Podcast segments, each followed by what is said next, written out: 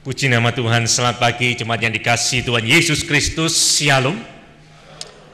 Puji-pujian yang indah sekali yang boleh kita bawa pada pagi hari ini bersama-sama.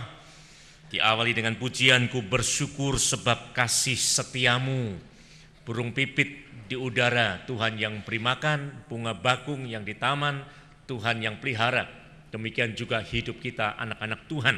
Sebuah pengakuan kepada Tuhan, Tuhan yang memelihara hidup, Dilanjutkan tadi dengan pujian kasih Yesus mengalir di dalam kehidupanku. Aku tidak bisa hidup tanpa kasih Tuhan. Pengakuan kembali, hidupku ada karena Tuhan semata-mata. Puji nama Tuhan, paduan suara juga melengkapi dengan pujian yang indah sekali yang menyatakan bahwa tiap pagi Tuhan berikan itu kita melihat kuasa Tuhan di sana. Bapak Ibu sekalian, sebelum kita merenungkan firman Tuhan pada kesempatan yang baik pada pagi hari ini, mari kembali kita akan melihat ayat hafalan kita masih sama dengan minggu yang lalu yang masih juga tercantum di warta gereja kita pada hari ini di halaman pertama. Ada baiknya kita akan mengucapkannya kembali bersama-sama. Masih hafal Bapak Ibu? Hafal ya, bisa langsung ya. Kita sebut kitabnya, pasal ayat dan isi ayat tersebut. Satu, dua, tiga. Keluaran 14 ayat 14. Tuhan akan berperang untuk kamu dan kamu akan diam saja. Puji Tuhan. Mari kita tundukkan kepala, kita akan berdoa untuk firman Tuhan.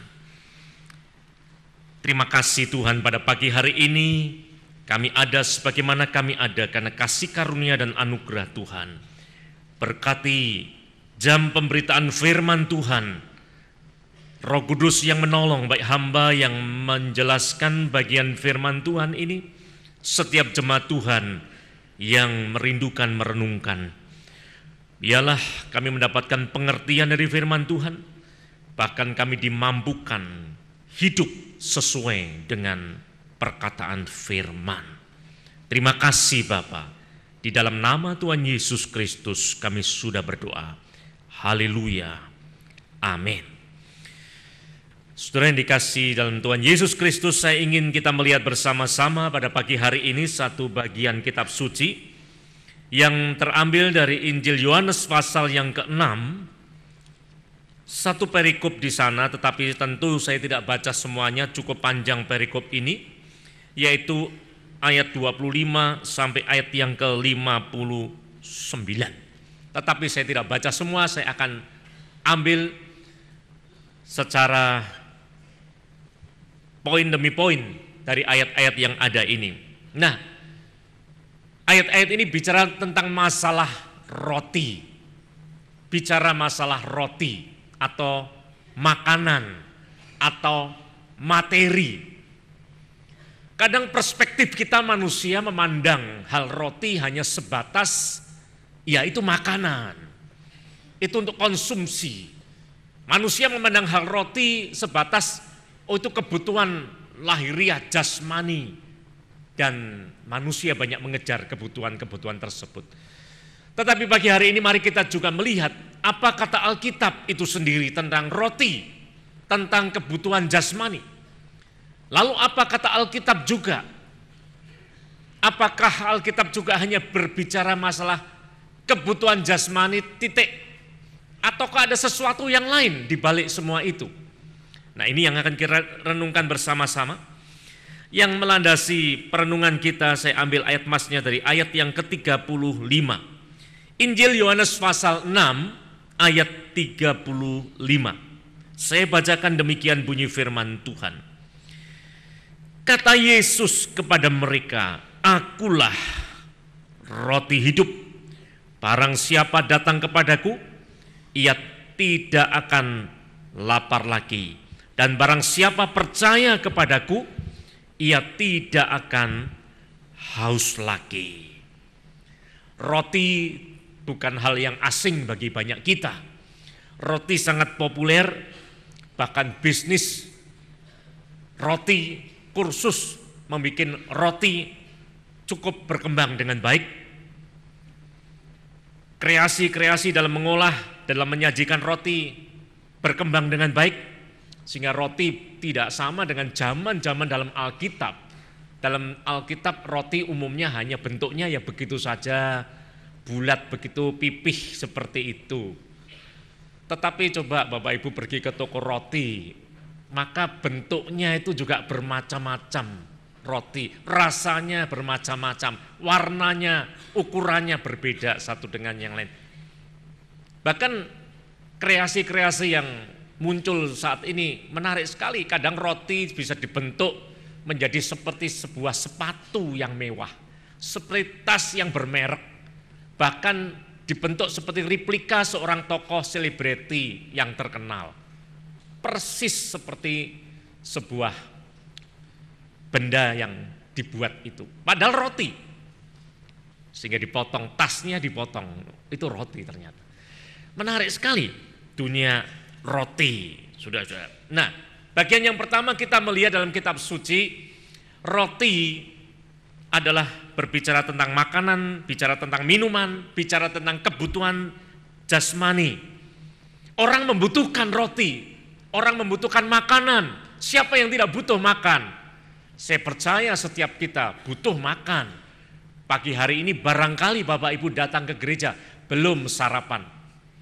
Tapi nanti pulang dari gereja ada yang ke rumah makan, ada ke warung atau pulang ke rumah buka lemari makan, menyiapkan makanan. Nah ini, ini roti Bapak Ibu. Menjadi kebutuhan yang menopang kehidupan. Tanpa makanan manusia tidak bisa meneruskan hidupnya bukan. Dibutuhkan setiap hari untuk kelangsungan hidup. Apa kata Alkitab tentang roti? Apa kata Alkitab tentang makanan? Apa kata Alkitab tentang kebutuhan-kebutuhan materi dalam hidup kita? Sesuatu yang menopang, sesuatu yang kita butuhkan. Saudara-saudara kalau kita melihat kitab suci ada cukup banyak sebetulnya. Tetapi pagi hari ini tiga bagian yang saya ingin coba menyampaikan kepada Bapak Ibu hal roti menurut kitab suci. Yang pertama, kalau kita lihat perjanjian lama bangsa Israel yang dibawa keluar dari Mesir. Tuhan menjanjikan negeri perjanjian, tanah kanaan yang berlimpah dengan susu air madu. Tetapi perjalanannya harus melewati padang gurun tidak tanggung-tanggung lamanya. 40 tahun mereka berputar-putar di padang gurun. Tempat yang gersang, tempat yang kering, yang kerontang, tidak ada makanan, sulit minuman. Tetapi kitab suci mencatat 40 tahun lamanya bangsa ini dipelihara dengan roti yang turun dari surga. Yang disebut apa? Mana. Setiap pagi Kasih setia Tuhan itu baru dinyatakan kepada bangsa ini. Mereka keluar dari kemah masing-masing. Mereka menemukan, mendapati pagi hari itu roti yang turun dari atas. Ajaib sekali. Setiap hari Tuhan peliharakan sedemikian rupa. Ini roti. Sehingga kita melihat bahwa berkaitan dengan roti Alkitab berbicara bahwa Tuhan yang tidak membiarkan umatnya itu kelaparan. Tidak ada ceritanya kitab suci umat Tuhan itu mati kelaparan. Tidak ada. Bangsa Israel tidak mati karena kelaparan. Mati karena serakah, iya. Mati karena bersungut-sungut melawan Tuhan, iya. Tapi tidak mati karena kelaparan. Lihat, berhubungan dengan kebutuhan hidup itu. Ada sang pemelihara kehidupan Tuhan yang maha kuasa menyatakan kuasanya memelihara umatnya 40 tahun lamanya diberikan makanan. Yang kedua, Tuhan Yesus sendiri mengajarkan dalam perjanjian baru hal doa kepada murid-muridnya. Apabila kamu berdoa kata Tuhan Yesus, katakanlah demikian. Lalu salah satu bait dalam doanya itu mengatakan apa? berikan kami pada hari ini makanan kami yang secukupnya. Yesus mengajarkan doa yang semacam itu. Minta kepada Bapa di sorga, berikan ya Tuhan makanan kami yang secukupnya. Tuhan tidak anti terhadap kebutuhan jasmani, Tuhan tidak anti terhadap kebutuhan-kebutuhan lahiriah kita, Bahkan Tuhan minta, ayo orang yang percaya jangan khawatir. Minta kepada Bapakmu makanan setiap hari. Tuhan peliharakan setiap hari. Ini luar biasa janji Tuhan.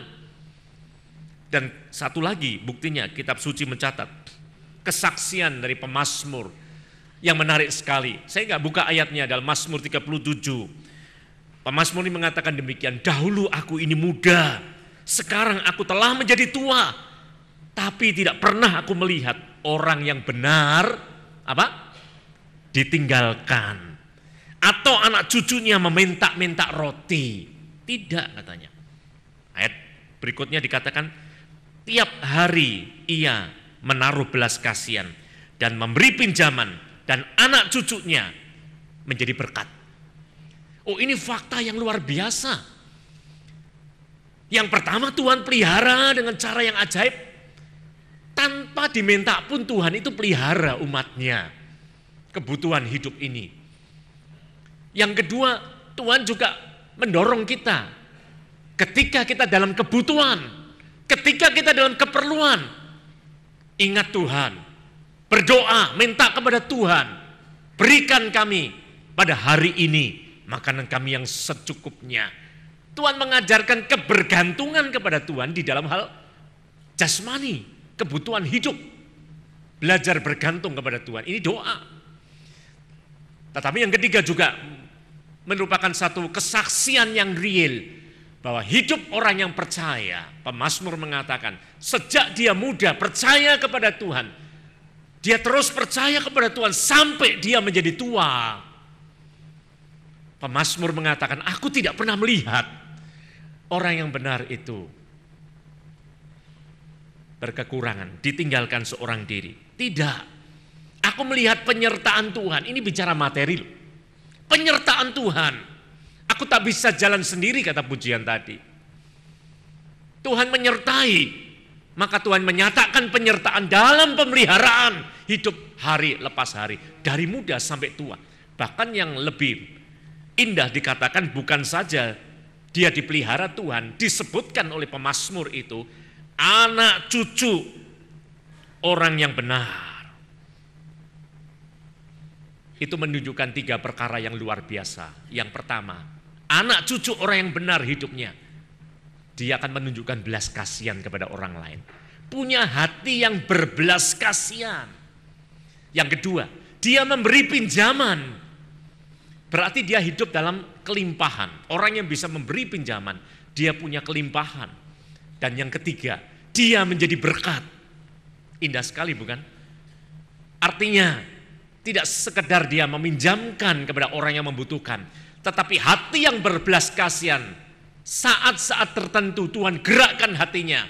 Hidupnya jadi berkat. Bagi berkat bagi sesamanya, bagi berkat bagi saudaranya, bagi menjadi berkat bagi gereja Tuhan. Menjadi berkat bagi pekerjaan Tuhan. Ini anak cucu orang yang benar. Apakah ketika dia lakukan itu dia menjadi kurang? Oh tidak.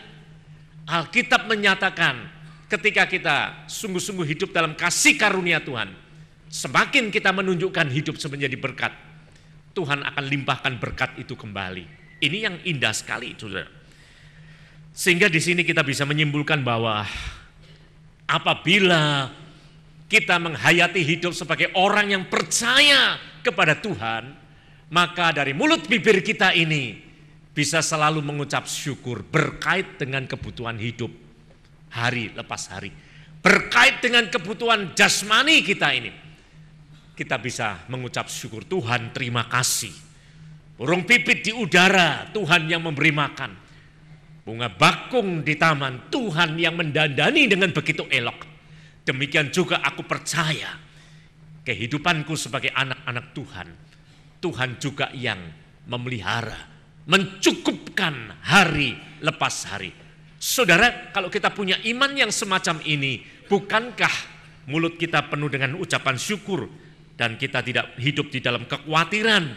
Oleh sebab kita tahu kita punya Tuhan, Tuhan yang peduli. Nah, bagian yang kedua yang kita bisa renungkan, apabila Tuhan peduli terhadap masalah roti, masalah kebutuhan jasmani, masalah material, tentang karir, tentang keuangan. Mari kita lihat dalam bagian-bagian Alkitab ini ternyata dalam Injil Yohanes pasal 6 Tuhan mengkritik sikap hidup orang percaya berkait dengan roti. Yang kedua, Tuhan juga mengkoreksi pandangan banyak orang percaya terhadap masalah roti. Nah, mari kita renungkan bagian yang kedua ini. Yang pertama Tuhan pelihara, Tuhan memberi itu jasmani. Tuhan tidak anti manusia hidup dalam dunia masih butuh materi, iya. Bahkan Tuhan memberkati sampai anak cucu, iya. Tetapi ada kritik yang perlu kita perhatikan. Yesus mengkritik orang percaya. Yesus mengkritik juga, uh, memberikan koreksi juga. Apa yang kita bisa pelajari? Mari kita lihat dalam ayat yang ke-26. Injil Yohanes 6 ayat 26. Ini kritik Tuhan Yesus. Yesus menjawab mereka, "Aku berkata kepadamu, sesungguhnya kamu mencari Aku bukan karena kamu telah melihat tanda-tanda, melainkan karena kamu telah makan roti itu dan kamu kenyang." Loh, ini kritik Tuhan Yesus. Ini ceritanya, Bapak Ibu, kalau kita lihat ayat-ayat sebelumnya, Tuhan Yesus baru saja menyatakan kuasanya ketika dia mengajar banyak orang sampai hampir malam. Orang itu terus mendengar perkataan Yesus, ajaran Tuhan Yesus sampai tidak sempat makan, menjadi lapar. Mereka datang dari berbagai daerah yang jauh, perutnya lapar. Tuhan ngomong kepada murid-muridnya, beri mereka makan. Muridnya bingung, tempat yang sepi, jauh dari kota bagaimana memberi makan. Kalau toh ada toko roti, berapa banyak toko roti bisa menyediakan makan. Yang kumpul dikatakan lebih dari 5000 orang. Banyak sekali dalam waktu yang mendadak. Bagaimana mendapatkan roti? Kalau toh ada roti juga misalnya, dari mana persediaan uangnya? Nggak ada uangnya. Tidak cukup membeli roti, budgetnya terlalu besar. Tidak ada persiapan sebelumnya, saudara. Nah dalam kondisi yang seperti itu, ketika manusia tidak bisa mencukupkan dirinya sendiri, masalah roti, apa yang Tuhan buat? Tuhan tetap peduli. Kalau cara-cara manusia nggak mampu menyelesaikan, Tuhan punya cara untuk menyelesaikannya. Tuhan tidak habis cara untuk menyelesaikan banyak perkara. Manusia punya keterbatasan menyelesaikan, Tuhan tidak terbatas. Dan singkat cerita, Tuhan menerima lima roti dan dua ikan dari seorang anak kecil yang membawa roti diserahkan kepada satu murid Yesus. Oleh murid Yesus dibawa kepada Tuhan Yesus. Di dalam tangan Tuhan Yesus itu, Tuhan Yesus mengucap syukur, lalu dipecah-pecahkan roti itu disuruh membagi oleh kepada murid-muridnya. Bagi semuanya sampai semuanya dapat makan. Ajaib. Semuanya makan kenyang. Masih sisa 12 keranjang lagi. Bagaimana lima roti dua ikan sisanya 12 keranjang. Saya pernah khotbahkan entah di kebaktian yang beberapa berapa waktu yang lalu. Dalam perjanjian lama, janda di Sarfat, minyak dalam buli-buli yang kecil bisa memenuhkan bencana-bencana yang besar. Jumlahnya banyak. Dari mana itu? Persis dalam bagian ini. Tuhan mampu mencukupkan, ajaib sekali. Sudah, nah karena peristiwa itu nampaknya orang banyak yang melihat keajaiban itu menjadi hatinya itu berkobar-kobar mengagumi Tuhan Yesus. Maka sejak saat itu orang itu berbondong-bondong mempercakapkan Yesus dan ingin terus mengikut Yesus ke mana Yesus pergi, dikejar, dicari, diikuti. Nampaknya baik, wih ikut Yesus. Yesus menyeberang Danau Galilea. Mereka juga mencari di mana, dicari terus sampai ke Kapernaum. Orang-orang sampai sewa perahu, ayo naik perahu, nggak apa-apa. Kita kejar di mana Yesus berada mereka kumpul lagi, ingin dekat-dekat dengan Yesus. Nampaknya baik. Tapi Yesus melihat sampai lubuk hati yang paling dalam. Yesus melihat motivasi orang banyak itu. Dan dia berkata di dalam ayat yang ke-26 ini, kamu mencari aku, sesungguhnya bukan cari Yesus, sang sumber berkat. Tapi karena ingin cari berkat. Ini yang dikritik oleh Tuhan Yesus mengiring Yesus, mengikut Yesus. Yesus menghendaki lebih dari sekedar kita mencari berkatnya. Jangan pernah khawatir dengan berkat Tuhan. Tuhan memberkati orang yang percaya. Kesaksian Mazmur tadi, orang yang hidup benar di hadapan Tuhan. Tuhan pelihara sejak muda sampai tua. Bahkan sampai anak cucu dipelihara Tuhan dimuliakan Tuhan, punya hati yang berbelas kasihan, punya kemampuan untuk meminjamkan kepada orang lain, punya kesanggupan untuk menjadi berkat memberi kepada orang lain. Bukankah ini mulia sekali? Tetapi bagaimana cara kita mengikut Tuhan? Bagaimana cara kita mencari Tuhan?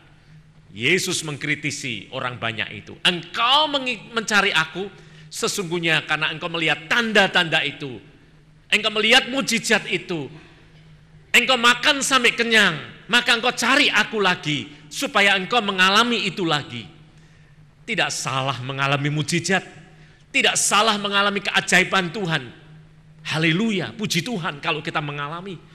Tapi Yesus katakan, engkau tidak sedang cari aku. Itu kan seperti seorang anak kecil Bapak Ibu ya. Kalau kita punya anak masih kecil, sering kali anak itu datang kepada orang tuanya demi uang. Pah, mah baik-baik datang ke orang tuanya. Kenapa? Minta uang jajan. Setelah dapat uang jajan bagaimana? Pergi, meninggalkan. Nanti kalau butuh lagi datang lagi minta uang jajan. Yesus ingin lebih dari sekedar kita datang kepada dia untuk mencari kebutuhan-kebutuhan kehidupan kita ini. Ini koreksi yang Tuhan Yesus sampaikan. Mengapa? Kalau kita hanya mencari yang materi, yang jasmani, kita tidak akan pernah merasa puas dalam hidup ini. Saudara-saudara, karena kepuasan manusia terhadap hal yang jasmani itu tidak ada batasnya. Kita mau punya sesuatu yang belum kita punya, kita mengangan-angan, kita mengharap, kita berpikir betapa senang kalau saya bisa memiliki sesuatu yang saya belum punya. Tetapi setelah kita menerima sesuatu yang kita harapkan, kita senang, senangnya sesaat saja. Satu bulan kita senang, bulan kedua tidak senang lagi. Coba lihat anak kecil itu. Dia ingin beli mobil-mobilan, dia minta ngotot ke orang tuanya, Pa, mama belikan aku mobil-mobilan, aku senang, aku pengen, aku pengen, itu indah, itu hebat, itu bagus. Ketika itu dibelikan, dia senang, dia bawa tidur, dia dekap mobil-mobilan itu, dia pakai mainan. Berapa lama bertahan dia senang? Satu minggu, dua minggu paling. Ditaruh begitu saja, tidak dirawat begitu saja. Dia lihat mainan yang lain, Hatinya mulai senang dengan mainan yang baru lagi. Pah, mah aku minta ini, ini menyenangkan, aku belum punya, aku ingin punya. Ketika dibelikan dia senang. Berapa lama dia senang? Satu minggu, dua minggu dia senang. Taruh lagi. Tinggalkan lagi, minta yang baru lagi. Bapak Ibu, bukan hanya anak-anak, tetapi maaf kita orang dewasa pun tidak pernah punya tingkat kepuasan, kesenangan. Coba buka buku uh, lemari pakaian Bapak Ibu masing-masing. Berapa banyak pakaian yang kita punya. Tapi berapa banyak juga ketika kita pergi ke mall. Lihat pakaian, kita selalu kepengen yang baru. Berapa banyak yang sudah punya sepatu, berapa puluh pasang. Sampai mantan istri Presiden Filipina dulu, Ferdinand Marcos. Terkenal luar biasa, koleksinya ribuan. Begitu banyak sepatu-sepatu yang mewah. Tidak ada puas kehidupan manusia. Sudah sudah dikasih Tuhan Yesus mengkritik orang banyak yang datang kepada dia hanya untuk ingin memuaskan kebutuhan-kebutuhan jasmani, kebutuhan-kebutuhan lahiriah, roti yang mengenyangkan perut, tetapi kemudian membuat lapar kembali. Ini yang Yesus katakan. Orang banyak itu ketika dikritik oleh Tuhan Yesus Kristus, lalu Tuhan Yesus mengatakan, ada kebutuhan yang lebih dari itu. Apa itu? Yesus mengatakan, roti yang datang dari surga. Yesus ingin menunjuk siapa itu? dirinya sendiri. Akulah roti hidup. Yesus katakan, engkau butuh roti dari surga. Bukan roti yang engkau makan, engkau kenyang, kemudian engkau lapar lagi, engkau mencari lagi, engkau makan lagi, engkau lapar lagi, engkau cari lagi. Demikian seterusnya, tapi engkau tidak pernah punya roti yang mengenyangkan hidupmu. Roti dari surga. Apa kata murid-murid? Oh, kata orang banyak ketika Tuhan Yesus berkata hal itu. Kita lihat ayat 32, kita loncat langsung ayat 32. Mereka berkata demikian, maka kata Yesus kepada mereka, aku berkata kepadamu, sesungguhnya bukan Musa yang memberikan kamu roti dari surga, melainkan Bapakku yang memberikan kamu roti yang benar dari, dari surga. Ayat 31, nenek moyang kami telah makan mana di padang gurun. Ketika Yesus berbicara, engkau perlu roti dari surga. Orang banyak menjawab apa? Oh nenek moyang kami itu makan roti. Mana? Di padang gurun. Nah ini bagian yang kedua. Tuhan bukan hanya mengkritik. Tuhan Yesus mengkoreksi pandangan orang banyak terhadap mana. Dia pikir Musa, sumber berkatnya itu Musa. Oh karena Musa itu loh, saya diberkati saya kecukupan hidup saya. Saya tidak kekurangan kehidupan saya. Tuhan Yesus memberikan koreksi kepada orang banyak di dalam ayat 32. Hai orang banyak, bukan Musa yang memberi engkau roti, bukan. Bukan Musa. Siapa kalau begitu? Bapakku yang memberikan kamu roti. Saudara, ini koreksi yang Tuhan sampaikan. Berapa banyak ketika kita orang yang percaya kita berhasil, berapa banyak ketika kita ini berkembang bisnis kita, usaha kita. Berapa banyak kita yang diberkati Tuhan, kita merasa saya lebih kuat posisi saya, saya lebih jaya, saya lebih sukses. Semua order bertambah banyak. Apa yang terbersit dalam hati kita yang pertama kali? Apa yang terbersit dalam hati kita pertama kali itu? Itu penting. Kita mengatakan kadang, ya karena saya jerih lelah sih. Ya ini karena perjuangan saya sih. Oh ini pengalaman saya. Oh saya memang hebat kok. Apakah itu yang terbersit dalam hati kita? Kalau itu yang terbersit dalam hati kita, maka koreksi Tuhan Yesus itu juga koreksi bagi kita sekalian. Kalau kita bisa bekerja, kalau kita bisa menerima hasil, kalau tabungan kita bertambah banyak, deposito kita menambah banyak, emas berlian kita bertambah banyak, usaha kita berkembang. Jangan semata-mata kita kata, iya karena saya mampu, saya lebih, saya punya kemampuan lebih dari yang lain, saya pandai, jangan.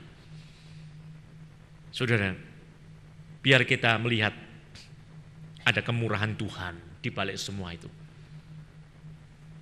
Oleh karena kemurahan Tuhan ya, ku ada sampai hari ini ya.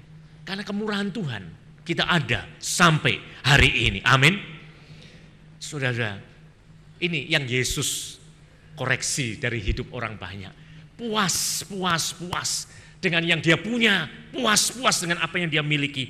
Coba bandingkan dengan satu orang yang namanya Daud dalam perjanjian lama. Daud orang yang diberkati Tuhan terus menerus luar biasa berkat Tuhan. Makin jaya, makin jaya, makin sukses, makin berhasil, luar biasa. Loh apa Daud sempurna hidupnya? Enggak. Daud bukan orang yang sempurna. Daud banyak kekurangan hidupnya. Daud ada kelemahan hidupnya. Tapi dari sisi roti, dari sisi rezeki berkat, diberkati Tuhan. Apa rahasianya? Saya nggak buka ayat-ayatnya, tapi saya bisa catat saja.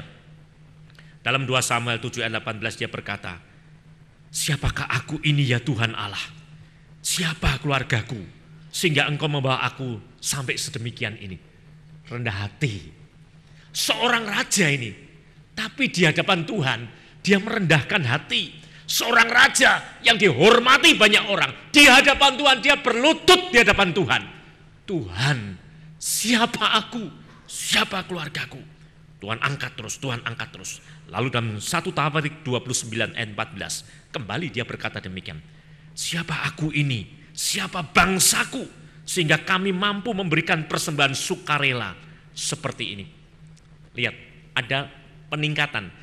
Dia dan keluarganya, dia melihat, oh Tuhan pelihara, Tuhan berkati, Tuhan muliakan keluarganya. Tuhan angkat lagi, Tuhan angkat lagi. Bukan hanya keluarganya, sampai kepada bangsanya. Karena Daud memimpin bangsanya, bangsanya ikut diberkati. Lihat, orang yang takut akan Tuhan, maka orang-orang yang dipimpinnya diberkati Tuhan. Bangsanya diberkati Tuhan, mampu mempersembahkan untuk membangun bait suci. Lalu Daud juga berkata, siapa aku ini Tuhan? Siapa juga bangsaku? Kami mampu memberi persembahan semacam ini. Jangan kita tinggikan hati kita kalau kita mampu memberikan keuangan kita untuk pekerjaan Tuhan, semakin kita digerakkan hati oleh Tuhan. Tuhan aku bawa keuanganku, aku bawa hartaku, aku persembahkan untuk pekerjaan Tuhan. Tuhan, siapa aku yang mampu mengambil sebagian keuanganku, aku masukkan ke perbendaharaan rumah Tuhan. Tuhan, aku tidak ada apa-apanya. Siapa aku Tuhan? Saudara, Kerendahan hati yang semacam ini diperhitungkan Tuhan. Bukan mata manusia yang melihat, lalu mengagumi kita. Uh hebat kau, hebat kau. Enggak. Mata Tuhan yang melihat orang yang rendah hati ketika dia membawa sesuatu kepada Tuhan. Tuhan membuka pintu berkatnya itu makin lebar, dicurahkan berkat. Daud diberkati, diberkati, diberkati Tuhan. Dengar koreksi Tuhan Yesus, dengar kritik dari Tuhan Yesus supaya kita tidak keliru menghayati roti dalam hidup kita. Memang saya butuh roti, memang saya butuh kebutuhan jasmani. Tuhan sediakan semua itu. Tapi Tuhan mau hatiku tertambat kepada sumber berkat itu sendiri. Tuhan, bagian yang ketiga, yang terakhir sudah. Kalau kita melihat ayat 35 yang menjadi ayat emas kita tadi ya, saya kembali membacakannya dari Yohanes 6. Kata Yesus kepada mereka, Akulah roti hidup. Barang siapa datang kepadaku, ia tidak akan lapar lagi. Barang siapa percaya kepadaku, ia tidak akan haus lagi. Ada beda roti yang dibangga-banggakan oleh orang banyak dari nenek moyangnya pada zaman Musa, roti yang disebut mana, yang dibangga-banggakan memelihara 40 tahun. Konsep mereka keliru. Yesus katakan, akulah roti hidup itu. Engkau butuh aku. Ketika engkau makan aku, engkau tidak lapar lagi, engkau tidak haus lagi. Ada mutu yang berbeda, kualitas yang berbeda. Mari kita lihat. Masih di dalam Injil Yohanes pasal 6, sudah sudah berkaitan dengan roti ini, Tuhan Yesus mengatakan ini ayat 49 Yesus berkata demikian, nenek moyangmu telah makan mana di padang gurun dan mereka telah mati. Roti yang kita makan, kita konsumsi, kita hidup, tapi tidak terus membawa hidup kita kepada hidup selama-lamanya. Betul ya? Satu kali akan mati. Tetapi Yesus mengatakan, akulah roti hidup roti yang turun dari surga. Ayat 51 dikatakan, akulah roti hidup yang telah turun dari surga. Jikalau seorang makan dari roti ini, ia akan hidup kapan? Selama-lamanya. Haleluya. Berbeda ya. Roti mana itu dimakan tiap hari, tapi yang makan satu kali akan mati. Kita makan setiap hari, kita memakai materi kita, keuangan kita, Berkat-berkat yang kita terima kita pakai dalam hidup sehari-hari. Tapi satu kali kita akan mati. Yesus katakan, bagian yang lebih penting dari itu. Yang pertama penting, tapi yang lebih penting dari itu Yesus katakan apa? Akulah roti hidup. Kalau engkau makan aku, engkau memiliki aku, engkau tidak akan mati selama-lamanya. Oh ini luar biasa sekali. Maka biarlah kita sungguh-sungguh menghayati di dalam Yesus Kristus Tuhan, Sang Roti Hidup, kita juga memiliki kehidupan. Coba, satu kali kan saya mati. Ayat 54 berkata demikian, barang siapa makan dagingku dan minum darahku, ia mempunyai hidup yang kekal dan aku akan membangkitkan dia pada akhir zaman. Kematian orang yang percaya Tuhan Yesus hanya satu kali. Setelah kematian ada yang disebut dengan kebangkitan. Pada akhir zaman Tuhan akan membangkitkan kita dan kita akan menerima yang disebut hidup kekal selama-lamanya bersama dengan Tuhan di dalam kemuliaannya itu. Luar biasa, ini roti yang dibutuhkan, yang sering tidak disadari banyak orang. Banyak orang hanya orientasinya saya butuh roti yang saya makan, saya butuh materi, mengejar materi, saya butuh hanya itu saja. Rugi. Yesus mengatakan, engkau juga butuh sebetulnya. Butuh aku karena akulah roti hidup. Engkau akan hidup selama-lamanya. Dan selama kita hidup di muka bumi, apabila kita memiliki Yesus Kristus, ayat 56 bagian ayat ini mengatakan demikian. Yang terakhir ayat ini ya. Barang siapa makan dagingku dan minum darahku, ia tinggal di dalam aku dan aku, yaitu Tuhan, di dalam dia.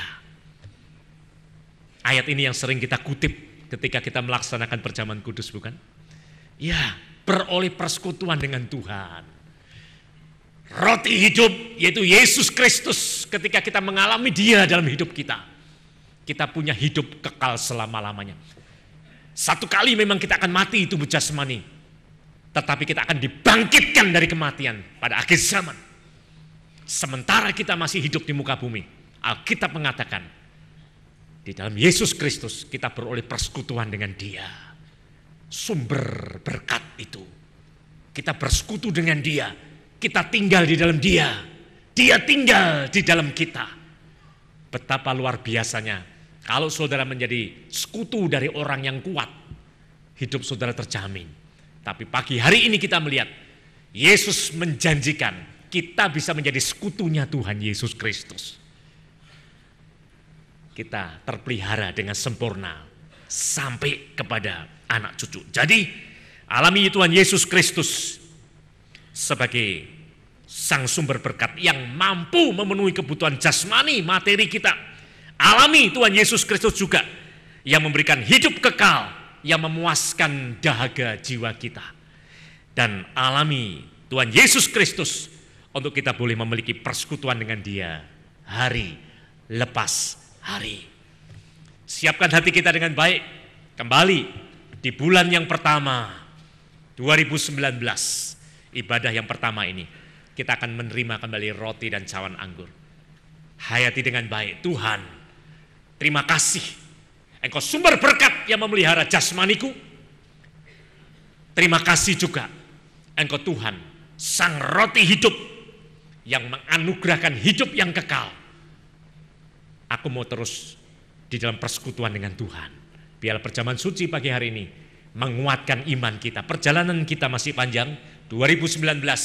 Kalau kita diberi umur melewati 2019, masih panjang umur kita. Minta kekuatan Tuhan pagi hari ini.